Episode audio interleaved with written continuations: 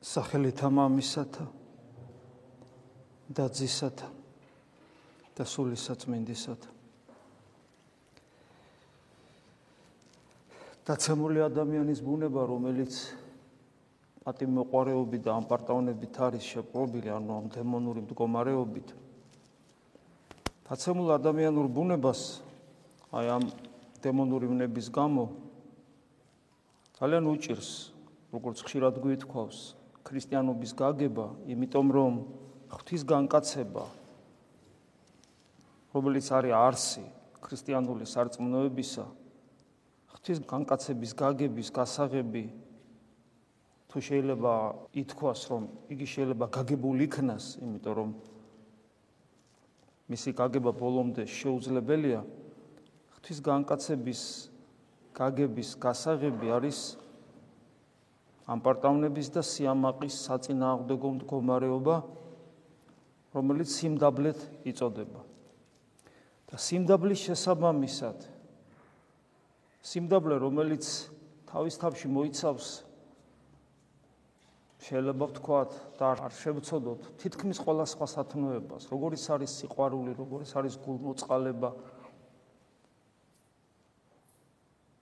რა ვიცი ყველაფერს ყველაფერს ლოცვის საჭიროება, мотиваცია, ღვაწლისა და ის სიმდაბლის სათნოება რამდენადაც არის ადამიანში, იმდენად ხდება.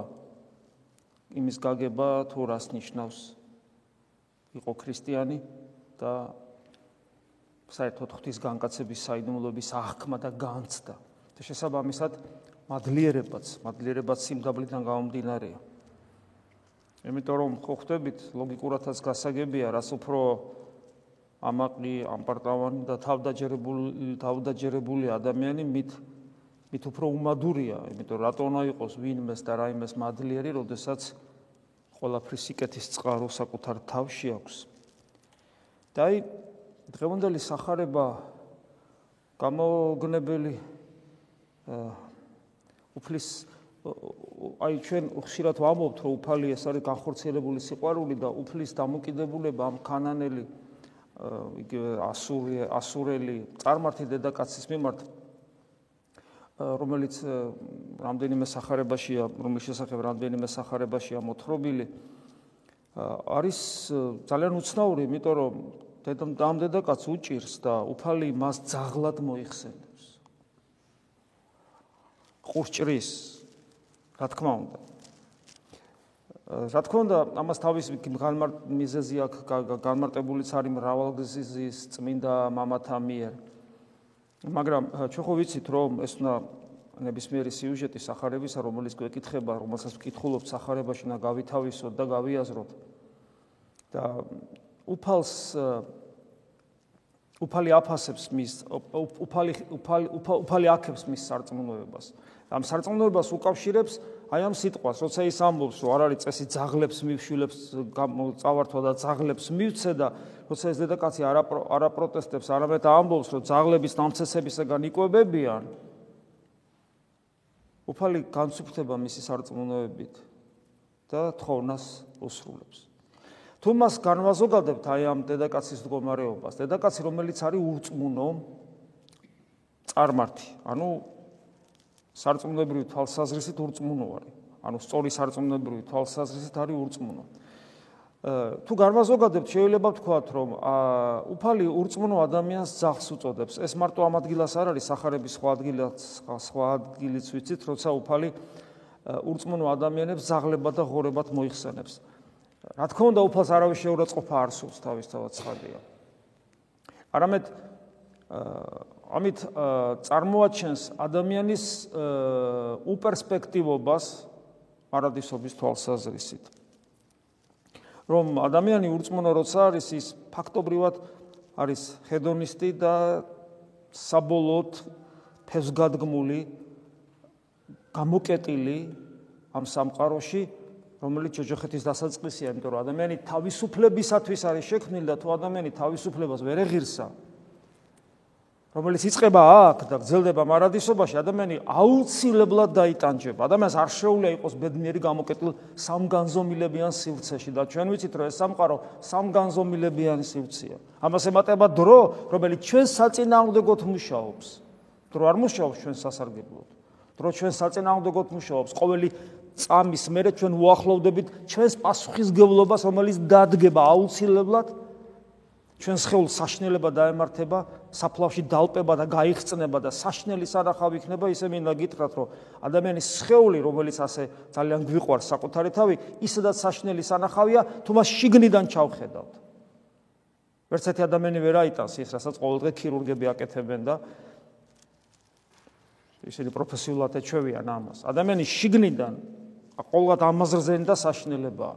ხოლო საფლავში დადებული მით უმეტეს. ჩვენ ყველანი ამ გზას გავივლით და ეს კიდევ არაფერი წარსდგებით ზნეობრივი კანონის შემოქმედთან და პასუხს ვაგებთ ჩვენი ცხოვრების გამო და პირველ რიგში იმის გამო ზუსტად რომ ჩვენ არ გქონდა ყველაზე მთავარი სათნოება გასაღები გადარჩენისა ქრისტესადმი მიბაძვისა და მიმსგავსებისა სიმდაბლე რომლის გარაშეც რწმენა უბრალოდ მკვდარია. როგორც გითხარით ესე იგი ჩვენ ადამიანი სამგანზომილებიან სივრცეში რაზომაც არ უნდა იყოს. ეს იქნება პატარა სცენაკი თუ უზარმაზარი სამყარო ადამიანი ყველგან უბედური იქნება. მით უმეტეს კიდევ მეორე დრო მუშაობს ჩვენ საწინააღმდეგოდ ახლა იმიტომ რომ სწრაფად უახლოვდები ჩვენ პასუხისგებლობას ხოლო ჯოჯოხეთში თუ რაიმე დრო იარსებებს ისიც საწინააღმდეგოდ იმუშავებს ადამიანისა იმიტომ რომ უფრო და უფრო დააცილებს ღმერთს საფრთხო ნათელს ამიტომ დღევანდელი сахарებისეული სიუჟეტი, სიუჟეტი კიდევ ერთხელ გამოფხიზლებაა ჩვენთვის, რომ არ შეიძლება არ შეიძლება ვიყოთ ურწმუნონი, იმიტომ რომ ჩვენ ცხოველზე უკეთეს მდგომარეობაში არ ვართ. პირიქით, უარეს მდგომარეობაში ცხოველი ამ ყველაფერს ვერ აცნობიერებს. ცხოველისათვის არც დრო არ არსებობს და შესაბამისად ვერ აღიქვავს ის რა არ აქვს რა უნარი ღმერთის შემეცნებისა, ის უღმერთობით არ იტანჯება. ის იტანჯება, ოღონ ამას ვერაცნობიერებს. იგივე სიმონ ახალი ღვთისმეტყველი ბრძანებს, რომ სამყარო გამოხსნას ხომოველის პავლე მოციქულის სიტყვებზე დაყრდნობით და სამყაროს გამოხსნა მოხდება. იქ არა კონკრეტებს, მაგრამ ისე საუბრობს კონტექსტში იგულისხმება ყველაფერი, მათ შორის ხოლთა სამყაროს. როგორ მოხდება ეს გამოხსნა, რანაირად მოხდება, რა მდგომარეობაში აღმოჩნდებიან ცხოველები და შემდეგ ეს ჩვენ არ ვიცით, არ ვიცით.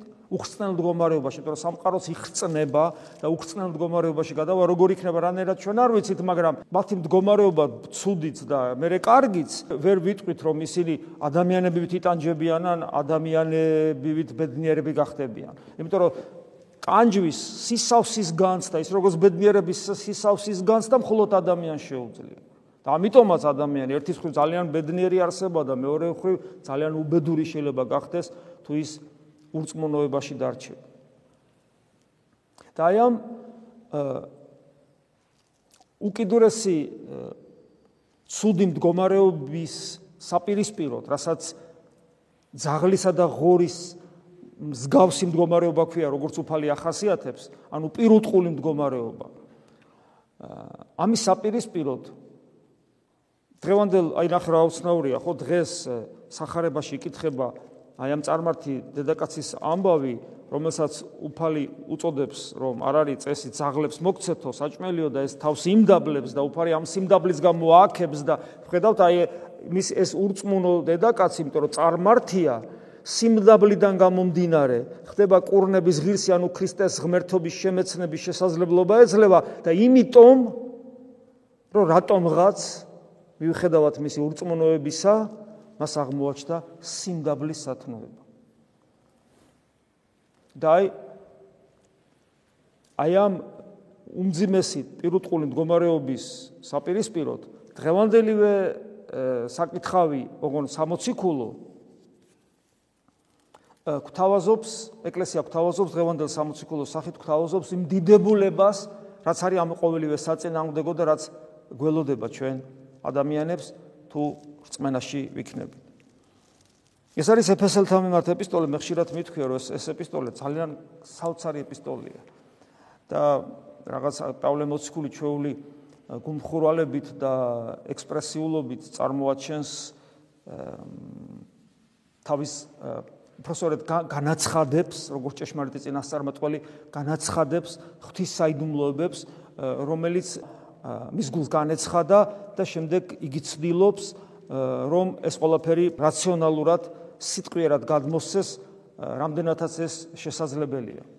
და ჩვენთვის რომ გასაგები იყოს, იმიტომ რომ პავლემოციკული რასაც განესწრის, ჩვენ ამას ვერ მიხვდებით, თუ მან არ გამოთქვა.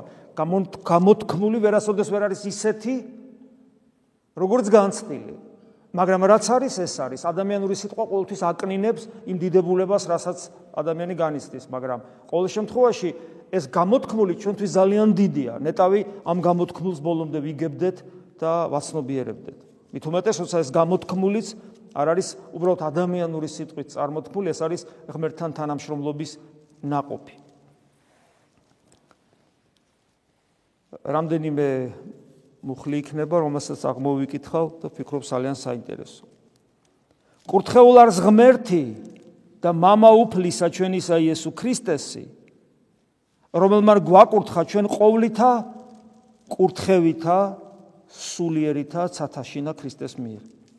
ხაზგასმულია ამას ოქროპირი ამბობს ხაზგასმულია ყოვლითა კურთხევითა და ადამიანმა ადამიანი რომ მოწყვიტოს მიწას.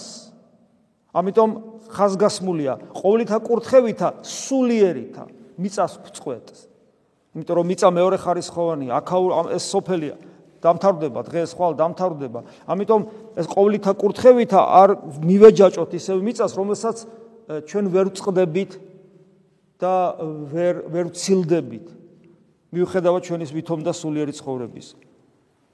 გვაკურთხა ჩვენ ყოვლითა კურთხევითა სულიერითა ცათაშინა ქრისტეს მიერ. ქრისტოცენტრულია პავლე მოციქულის ყოველი სიტყვა. ეს ყველაფერი ხდება მხოლოდ იმიტომ, რომ ჩვენ განკაცებული ღმერთის მორწმუნენი ვართ. ქრისტეს გარეშე ეს არაფერი მოხდება. ვითარცა იგი ამოგვირჩია ჩვენ მის მიერ, ქრისტეს მიერ. უწინარეს სოფლის დაბადებისა.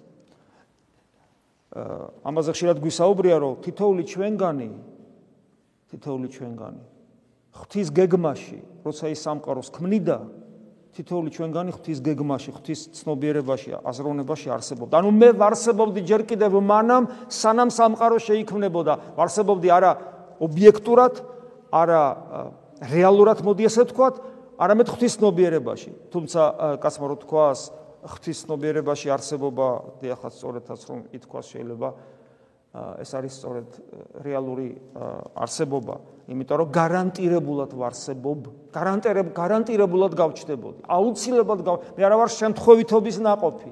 შემთხვევით არ არ გავჩნდი ამ ქვეყანაზე. მე რო ვარ, ეს უკვე ნიშნავს იმას. ეს არის ქრისტიანული მსოფლმხედველობა. ქრისტიანი ესე ფიქრობს, ესე ხედავს სამყაროს. მე არა ვარ შემთხვევით მოვლენილი. მე იმიტომ ვარ, რომ ღმერთის ცნობიერებაში ვიყავი. უწინარეს სოფლის დაბადების. მით უმეტეს, როცა ქრისტე ჯვარზე ყდება, მით უმეტეს მის ცნობიერებაში ვარ. მით უმეტეს ჩემთვისაც ყდება, აი ზოგადად კაცობრიობისთვის ყდება, მაგრამ ჩემთვისაც ყდება. აი როგორც ბარძიმ ფეშკუმის ამაღლებისას ვამბობთ, ყოველთა და ყოვლისათვის. ანუ ეს ხერპლი შეიწირება ზოგადად ყოველასთვის, და ყოვლისათვის თითოეული ადამიანისათვის. აი ესევე ამ შემთხვევაშიც ქრისტე ყდება ყოველასთვის და თითოეული ჩვენგანისათვის. ეს ბუნებრივია ბადებს ჩვენს პასუხისგებლობას. რათა ვიყვნეთ რატო ეს ამორჩევა რას ნიშნავს? რა პასუხისგებლობის წინაშე დგები? ვიყვნეთ ჩვენ წმინდა და უბიწო წინაშე მისსა სიყვარულით. წინაშე მისსა, წმინდა და უბიწო წინაშე მისსა სიყვარულით. ანუ გქონდეს აი ეს ზნეობრივი კანონი, რომლის შემოქმედი ღმერთია, ამ ზნეობრივი კანონის უფაქიზესად აღუნქმელნი მიმღებელნი და აღმასრულებელნი უნდა ვიყოთ. ამას ნიშნავს ეს სწორედ წმინდა უბიწო ცხოვრება სიყვარულით. აგრძელებს წინასწარ მოგვიწოდა ჩვენ შვილებად იესო ქრისტეს მიერ, ხშირად გვითხოვს, გახსოვთ. ღმერთმა ადამიანი შექმნა ღვთისშვილობისათვის. ღვთისშვილობისათვის. აი ეს არის ის პასუხისგებლობა, რომელსაც გაურბის მთელი სამყარო, ამიტომ არსებობს, მხოლოდ ამიტომ არსებობს უამრავი რელიგია. თორე რელიგიური იყო კაენიც, ისე როგორც აბელი.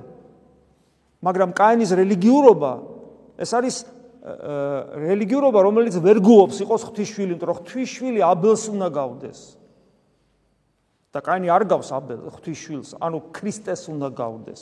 იმიტომ რომ როგორია ღვთისშვილი, ჩვენ ხო არ ვიცით, როგორი უნდა იყოს ღვთისშვილი, არ ვიცით. აი მოვიდა და დავინახეთ. ანუ აბელი გავს ქრისტეს. ისე როგორც თქვა იაკობი გავს, ისე როგორც ისააკი გავს, განსაკუთრებულად ისააკი გავს ქრისტეს. და აი კაენი რელიგიურია, რელიგიური ცხოვრება აქვს, მაგრამ ის არ გავს. შესა არ გავს ქრისტეს. შესაბამისად, ამდენი რელიგიების მიზეზი ადრეს გითხარით არის ის, რომ ღვთისმშობლობა არ გსულს. ხოლო ისინი, ვინ ჩვენ ეკლესიაში ვართ, ამაზეც ხშირად ვამბობ. ეს არ ეს არ ნიშნავს, რომ ჩვენ ღვთისმშობლობა გსულს. ჩვენი ჩვენ გსულს თუ არა ღვთისმშობლობა, ეს ჯერ კიდევ უნდა ვაჩვენოთ და დავამტკიცოთ და ეს გამოჩნდება ჩვენი ცხოვრების ბოლოს, განსაკუთრებულად, რა თქმა უნდა, როცა ღვთის წინაშე წარვდგებით. ჩვენ ახლა არ ვიცით, რომელი ვართ ღვთის შვილი, ვინ გავართ საერთოდ ღვთის შვილს და გავართ თუ არა საერთოდ. მაგრამ ამისთვის ამისთვის შეიქმნა მთელი სამყარო. წინასწარ მოგვიწოდა ჩვენ შვილებად იესო ქრისტეს მიერ მისა მიმართ სათნოებისაებრ ნებისა მისისა. ანუ ეს მისთვის სათნოა, ანუ მოწონებულია მისი მიერ, მისი ნება ესეთი რომ ჩვენ ჩვენ ვიყოთ ესე იგი მისი შვილები. და ეხლა რისთვის? საქებელად დიდებისა, მადლისა მისის. ანუ ხო ხვდებით რომ ღმერთ ჩვენი ქებადიდება სულაც არ ჭირდება. როცა საუბარია, მე ხვდები ღვთისშვილი, იმიტომ რომ მისი მადლის, ანუ მისი მადლი რა არის? საფრთხო ენერგია, მე ხო ღმერთს ვერ დავინახავ. აი როგორც ახლა მზეს რო ვერ მიწვდები, მზეს ვერ მიწვდები, მაგრამ როცა მზის გულზე დგახარ, თბები, ცხელა, წვავს, თუ როგორც არის გათბობს და სიცოცხლეს აძლევს სამყაროს, შენ მზეს მზეს ეხები.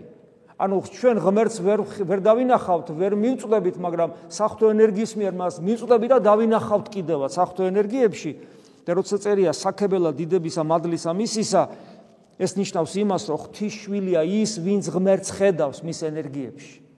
და და აქებს საქებელა, ანუ ქებით და დიდებით ცხოვრობს. რატო ქები და დიდებით? იმიტომ რომ ადამიანს მზეც უხარია და ლამაზი ბუნებაც და ეს ვარსკვლავიანი ცაზდა. მშვენიერია და იმიტომ წარმოგიდგენია ღმერთო დაინახავ. რა თქმა უნდა, დიდებისა და ქების სურვილით აღივსები, იმიტომ რომ თან ეს არ არის უბრალოდ ვიზუალური აღქმა და ესთეთიური ტკბობა, ისონ სიცოცხლეს გაძლევს და სიცოცხლეს რომელიც გაჯერებულია ბედნიერებით და ყოველგვარი სიკეთით და სიყვარულით და ეს დაუსრულებელი პროცესია მზარდი ეს არასოდეს არ მთავრდება არ არის სტატიკური არ არის გაჩერებული არამედ იზრდება იზრდება იზრდება დაუსრულებლი ბუნებრივია რომ ადამიანი ქებადიდებაში იქნება და აი ღვთის შვილობა ნიშნავს აი ამ მდგომარეობას რომელიც არის დაუსრულებელი პროცესი ჩვენთვის ეს არასოდეს არ დასრულდება რომელიც მოგმადლა ჩვენ საყვარელი ძის მიერ, ისევ ქრისტესი აქცენტი და მე რომლის მიერ, ანუ ქრისტეს მიერ გვაქვს ჩვენ გამოხსნა სისხლითა მისით. ანუ კიდევ ერთხელ ხას უსვავს ეს ყველაფერი მხოლოდ და მხოლოდ განკაცებული ღმერთის სისხლის მიერ ხდება და გამოხსნა და მოტევება ცოდვათა ჩვენთან სიმდიდრისა მადლისა მისისა. რა თქმა უნდა ეს ჩვენ გვახსენებს რომ ჩვენ გვაქვს ცოდვები, ცოდვები და გადარსარჩენები ვართ, ამიტომ გამოხსნას ვჭირდება და ცოდვათა მოტევებას. მე აგზელებს. გვაუწყა ჩვენ საიდუმლო საიდუმლო. იგი ნებისა მისისა. აი ჩვენ ხშირად ვამბობთ რომ რა არის ღვთისნება რა არის ღვთისნება რა არის ღვთისნება. ჩვენთან მოდიან ადამიანები მუდამ კითხულობენ აი ღვთისნება რა არის. ჩვენთან მოდიან ადამიანები ყოველ დღე ყოველ დღე როცა ახლები მოდიან განსაკუთრებულად აი ძალიან ცოტა პროცენტი მოდის თავიდანვე ქრისტეს გამო სამწუხარო ძალიან ბევრი ადამიანი მოდის რაღაც მიწიერი პრობლემების გამო, რომელითაც შეიძლება იოლად გადახვიდე იმ თავარზე, რომ ქრისტიან თავარი. და ზოგ შემთხვევაში, ზოგ შემთხვევაში ადამიანი ისეთი ამ ქვეყნიური საკითხებით მოდის, რომ არც ისე იოლი ხდება, რომ ადამიანი გადაიყვანო თავარზე და გააგებინო, რომ აქ იმიტომ ვართ და მღვდელი მღვდელთან იმიტომ მოდის რომ ქრისტე ეძებოს და არა სხვა რამისთვის ეს პრობლემა ანუ მიწიერი პრობლემების მოსაგვარებლად მოდიან ძალიან ხშირად ადამიანები და ღვთის ნება ღვთის ნება შესაბამისად დაფარულია და ხშირად თვით ეკლესიური ადამიანებისთვისაც დაფარულია და პავლე მოციქული გეუბნება რომ ჩვენ გვეუწყა საიდუმლო იგი ნებისამის ანუ ღვთის ნება არის საიდუმლო მაგრამ ჩვენ გვეუწყა პავლე მოციქული ამბობს ჩვენთვის ის საიდუმლო არ არის. როცა ვამბობ მამაო ჩვენოში იყავ ნება შენი? ამით მე ვაღიარებ რომ მე ვიცი რა უნდა მას. და მიჭირს ამის გაკეთება და ვევედრები ვევედრები რომ მისი ნება იყოს ჩემში დომინანტი, ჩემი ნება ჩაანაცვლოს, იმიტომ რომ თუ ჩემი ნება არსებობს ჩემში, ჩემი ნება ყოველთვის, ყოველთვის აა უკეთური იქნება, ამაზე ხშირად გითხოვს, იმიტომ, იმიტომ რომ ჩემი მიდრეკილებები აი ეს ეგოიზმის, ანგარების, პატიმოყარეობის, სიამაყის, თავდაჯერებულობის, ბრისხანების, ორგულობის, უმადურობის, ეს ეს ეს ნებები არის დემონური თვისებები. და ჩემი ნება არის ამ ყოლაფრის მსახური. შესაბამისად თუ ადამიანში ღვთისნება არ არ გაბატონდა, არ შემოვიდა და გაბატონდა ცუდი სიტყვა, იმიტომ რომ თითქოს ის ზალადობს ჩემზე. მე თუ ღვთისნება არ შემოუშვი ჩემში და მევედრები რომ შემოვიდეს, მაშინ ჩემი ნება იქნება. თუ ჩემი ნება იქნება, რაც ჩამოთვალე იმ ყოლაფრის იმ ყოლაფრის განმახორციელებელი იქნება ჩემი ნება და შესაბამისად მე ვხდები სახლი ეშმაკისა. ადრეს გითხარით გახსოვთ ხო აი ეს ღადარინელებს მეშმაკეულებს რო კურნავს ნახეთ იქ როგორ არის ღორში ვერ შედის ღორში ვერ შედის? რატო ვერ შედის ღორში? იმიტომ რომ ღორი არის ღვთის ქმნილება. ღმერთმა შექმნა ღორი. ამიტომ როგორ უნდა შევიდეს? რა უფლება აქვს? ექსმა შევიდეს ღორში. თუ უფალი ნებას არ თუ უფალი არ დაუშვებს. და რომ დაუშვა ამასაც თაკაული მიზეზები ქონდა რომ იმ ღადარინელების ჰედონიზმი, ხედარინელების უღმერთობა გამომჟღავნებულიყო და მე ეგება შეენანათ, იმიტომ რომ ეს განკურნებული მათ დაუტოვა საქადაგებლად. ანუ ამასაც თავის მნიშვნელობა ჰქონდა, რომ შეძრწულიყვნენ, ქრისტეზე უარი ეთქვათ და მე ამ განკურნებული საშუალებით მხილებულიყვნენ. ამიტომ ღორში ვერ შედის, მაგრამ ადამიანში რომ შევიდეს ეშმაკი, მას ღვთისნება არ ჭირდება. ღორში რომ შევიდეს, ეშმაკს ჭირდება ღვთისნება. ადამიანში ღვთისნება ეშმაკს არ ჭირდება, ისე შედის. რატო? იმიტომ რომ შენაძლევ ნებას. შენაძლევ ნებას, იმიტომ რომ შენ გავხარ მას, შენი ეგოიზმით, ანგარებით, პატიმოყარეობით და ასე შემდეგ და ასე შემდეგ შენ გავხარ ეშმაკს, ამიტომ ის ღმერთისგან ებართვას არ იღებს, პირდაპირ შემოდის შენში. და შენ ამას ვერ გძნობ. აი, რომელიღაც წერალს კონი მაინრიც აქვს, რომელიღაც წერალს აქვს, სადღაც ოკეანეში მიცურავენ ნავით და არის რაღაც დინებები ოკეანეში, სადაც ტემპერატურა ზუსტად 36 და 6-ია. და ეს ეუბნება, რომ აი ხელი ჩაყავი წყალში, აი თვალი დახუჭული რო გქონდეს და ხელი გაიშვირო წყლისკენ, ისე ჩაყობ წყალში ხელს, რომ ვერც კი იგზნობ, რომ წყალში გაქვს ხელი. ვერ იგზნობ. იმიტომ რომ ზუსტად შენი ტემპერატურის არის. და ვერ ზვიგენი ხელს მოგაჭამს. ვერ იგზნობ. ასე ვერ გზნობს ადამიანი ეშმაკის შემოსვლას და გასვლას. იმიტომ რომ ზუსტად ჩვენ მისნაირები ვართ, ჩვენი ვნებების მიერ. ამით სარგებლობს ის და საკუთარ სახლად ხვდის. და სხვათა შორის აი რო გვიკვირს ხოლმე რომ ქართულ სინამდვილეში ჩვენ თითქოს დიდი წინაპრების შვილები ვართ და ამხელა კულტურის ქვეყანა ვიყავით და ბოლო-ბოლო ნომინალურად მაინც ქრისტიანები ვართ, მონათლულები ვართ და რა უბედურება გჭირს? აი ეს გჭირს, რომ როგორც უფალი ამბობს, რომ გარბის ეშმაკი ნათლობის მერე, მერე ბრუნდება და 7 7-ზე თავისე უბოროტესი მოყავს. აი ეს გჭირს ჩვენ ქრისტიანერებს, ქართველებს და ყველას საერთოდ რუსებს, ბერძნებს და რა ვიცი უკრაინელებს და ყველას. აი ეს გჭირს. აი ეს ბიზანტიას თავის ძროზე რა დაემართა? ეს გჭირს. შვიდ თავისზე უფრო უბოროტესი შემოიყვანა იმიტომ რომ ჩვენ ჩვენ სახლი ვხდებით ეშმაკის. დაი გვაუწყვა ჩვენ საიდუმლო ნებისამისის და რა რა საიდუმლოა ეს? და საიდუმლო წინასწარ განაჩინა. ანუ ეს ეს ღვთის გეგმა არის ეს. ეს ღვთის ნება არის ღვთის გეგმა წარმოგიდგენიათ, როცა ადამიანი ღვთის ნებას ეწინააღმდეგება, ეწინააღმდეგება galaktikების შემოქმედის ნებას, რა პერსპექტივა აქვს ადამიანს, რომელიც ეწინააღმდეგება ღვთის ნებას? აი წარმოგიდგენთ, რა პერსპექტივა გვაქვს? ჩვენ თუ ეწინააღმდეგებით ღვთის ნებას? და აგზელეს პავლე მოციქული აღსებასა მა ჟამთასა თავყოფად ყოველივე ქრისტეს მიმართ რა იგი არ ცათაშინა და ქვეყანასა ზედ. ანუ ყველაფერი ღვთისნება რა ყოფილა? ყველაფერი რაც კი არსებობს? თელი ყოფიერება ადამიანი თავისთავად ცხადია როგორც გვირგვინი ქრილებისა და ყველაფერი დანარჩენი.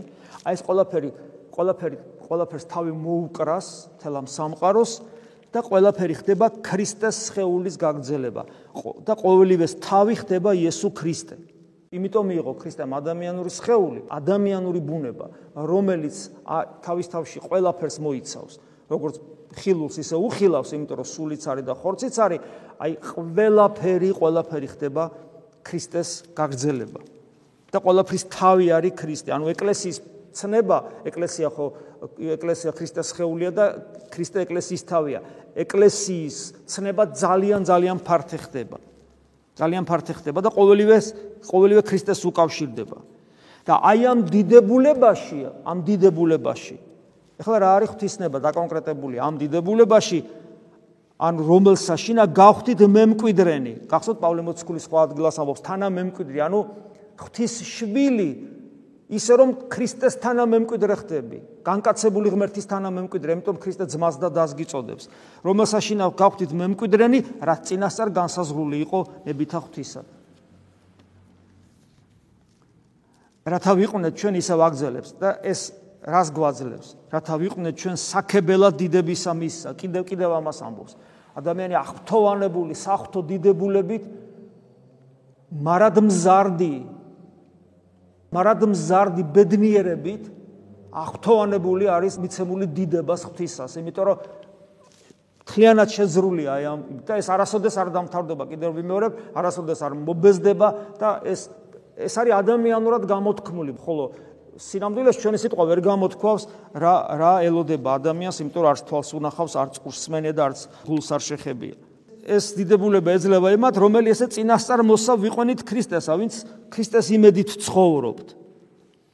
და რომლისა მიერაც, ანუ ქრისტეს მიერ გვესმა სიტყვა იგი ჭეშმარიტებისა, сахарება იგი გადარჩენისა თქვენისა, რომლითაც იგი გწმენა და ამ ყველაფრის არწმუნოების მერე, როცა ჩვენ გვესმის ქრისტეს სახარება და ჩვენ რწმენაში ვტკიცდებით, ასეთი ადამიანები აღვიბეჭდებით სულითა მიწმინდითა აღთქმუისად. ანუ ახალი აღთქმა, რასაც კი ახალი აღთქმის ბეჭედი გვეძლევა სახთო მადლით, რომელსაც სულიწმინდა ღმერთი რომელიც სულიწმინდა ღმერთს მოაქვს ჩვენამდე.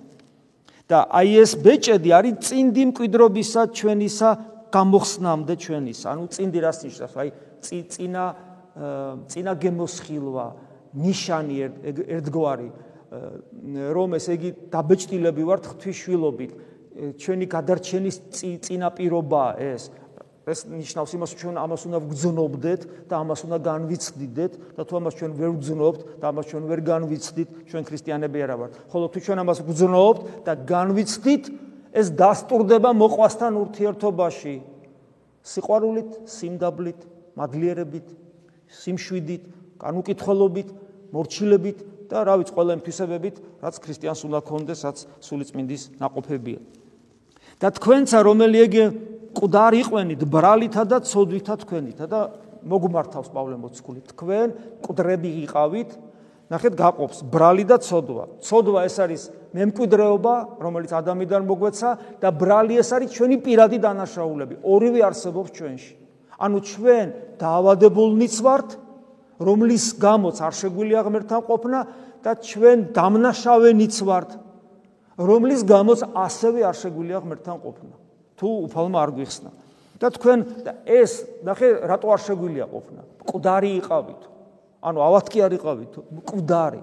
და უფალი იმიტომ ამბობს რომ სასופოველში ყოფნა ადამიანისათვის შეუძლებელია თუ ღმერთი არ ეხმარება. ანუ ადამიანი მკვდარია არ შეუძლია მას ღმერთთან ყოფნა თუ თუ ღმერთს არ მისა საშუალება. ქრისტეს თანა და ქრისტეზე მე ამბობს რომელი იგი აღადგინა ღვთისმეტყველება რომელი აღადგინა მკვდრეთით დასვა მარჯვენით მის ზეცათაშინა უზეშთა ეს ყოველთა მთავრობათა და ხელმწიფებათა ძალთა და უფლებათა ყოვლისავე სახელისა რომელიც არის აღმატებული ანუ ამბობს განკაცებული ღმერთის სახელი იესო არის აღმატებული ყველაფერზე, არ არსებობს სამყაროში რაიმე, რომელიც იესოს სახელს აღემატებოდეს. ნუ იესოს თანაბარი мама, мама, ძე, სულიწმინდა და ძის ერთ-ერთი სახელი არის იესო, რომელიც მის განკაცებულ მდგომარეობას აღნიშნავს და არაფერი ამაზე დიადი. ამას ამაზე საუბრობს და მე ამბობს, რომ ყოველივე დაამორჩილა ქვეშე ფეხთან მის და ეს არის ღვთისმეტყველება, რომ ადამიანია იესო ამავე დროს ღმერთთან ერთად და ეს ადამიანი რო თან ღმერთია გამოხატავს იმით, იმიტომ რომ პირველი საუკუნეა ადამიანებმა არიციან იესო ქრისტე ვინ არის, პავლე მოციქული მათ განუმარტავს და ადამიანს ხედავენ, მაგრამ ყველაფერი მას ემორჩილება და ყველაზე დიდებული სახელია იესო, ამით გამოხატავს, რომ ეს ადამიანი კი არის, მაგრამ ღმერთიც არის და იმ შემდეგ ამბობს, რომ ის არის თავარი ზესთა ყოვლისა ეკლესიისა, რომელიც არის გვამი მისი, რომელიც არის შეეული მისი. ეს ერთადერთი ადგილი არ არის, ბევრ ადგილას ამბობს პავლე მოციქული, რომ ეკლესია არის ქრისტეს შეეული. რომელმან ყოველ საშინა აღავს, ანუ ეკლესია, რომელიც აღმავსებელია ყველაფრის, ყველაფრით, ანუ სრული სისავსით საფრთხო მადლისა. და სწორედ ქრისტე, რომელზეც ახლა ესე საუბრობდა, სწორედ სწორედ ქრისტესთან გაგვაცოცხლა პავლე მოციქული ამბობს, ანუ ქრისტე მოკვდა და აღდგა. ანუ ჩვენ ქრისტესთან ერთად გავცოცხლდით, იმიტომ ეს აღდგა და მადლით ხართ გამოხსნილი და ქრისტესთან ერთად თანა აღვადგინა. ახე ქრისტესთან ერთად ვართ გაცოცხლებულები, აღდგა ჩვენს აღდგით მასთან ერთად როგორც ახალი ადამიანები და მე აგძელებს თანა დააქვსნა ჩვენ ზეცათაშინა ქრისტეს იესოს მიერ. არა მარტო აღდექით, არამედ ზეცაში ვიმყოფებით. ამიტომ ერთად ღვთისმოწყალე გითხარით, ამბობს, რომ ქრისტიანი არის არსება, რომელიც ფეხებით მიწაზე დგას და თავი ზეცაში აქვს. გესმით, აი ეს ეს ეს არის ქრისტიანის მდგომარეობა, ქრისტიანის შვილია ღმერთისა.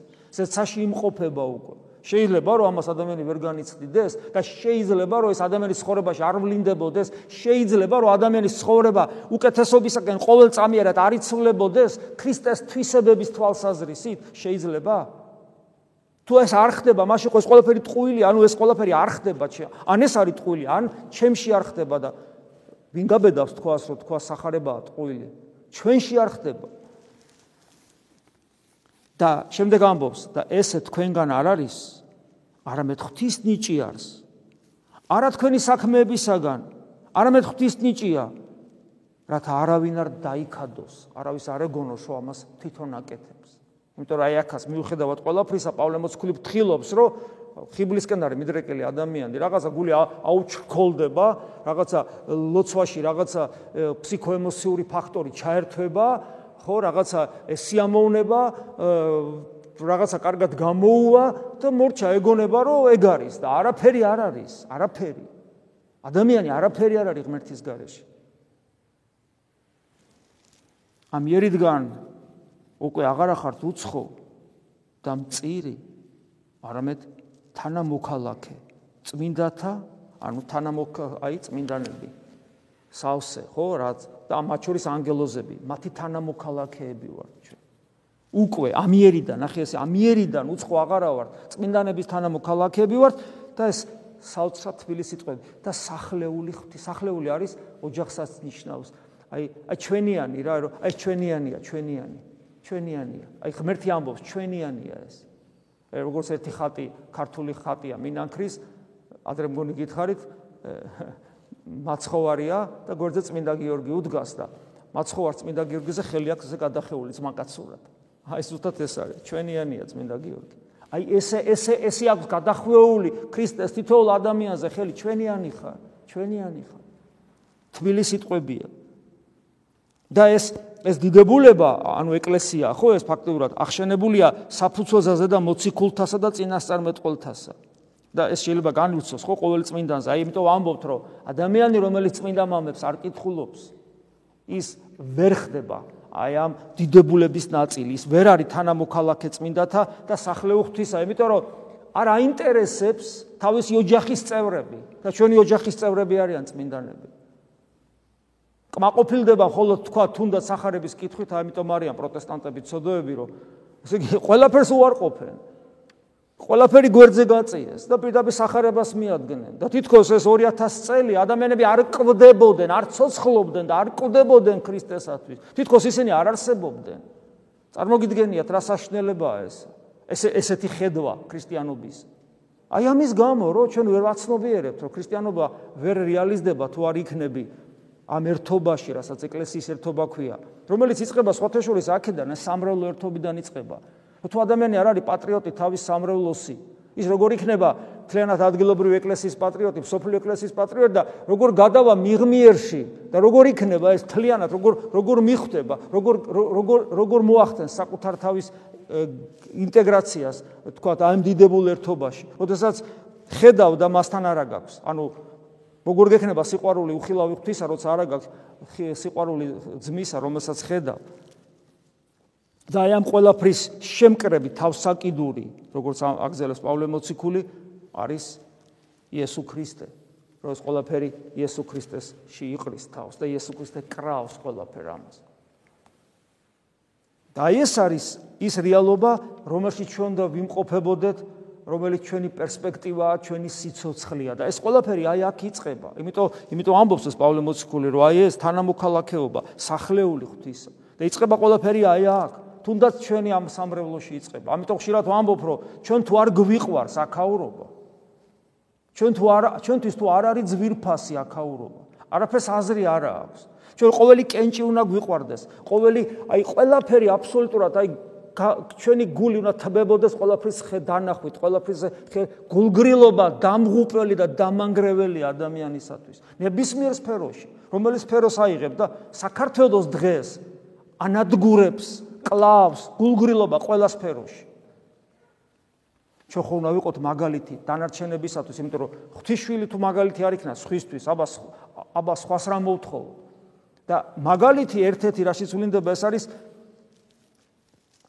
სიყვარული იმ გარემოსი რომელშიც ვიმყოფებით იმიტომ რომ კიდევ ვიმეორებ ჩვენ ქრისტეზე ძვირფასი თუ არაფერი გვაქვს მაშინ მითხარით ადგილი თითოეული ჩვენგანისათვის სადაც ჩვენ ქრისტეს უკეთესად ხვდებით ვიდრე აქ აქ სწავლობთ ჩვენ ქრისტესთან ურთიერთობას აქ სწავლობთ ჩვენ ქრისტიანად ყოფნას აქ სწავლობთ ჩვენ ერთმანეთის სიყვარულს.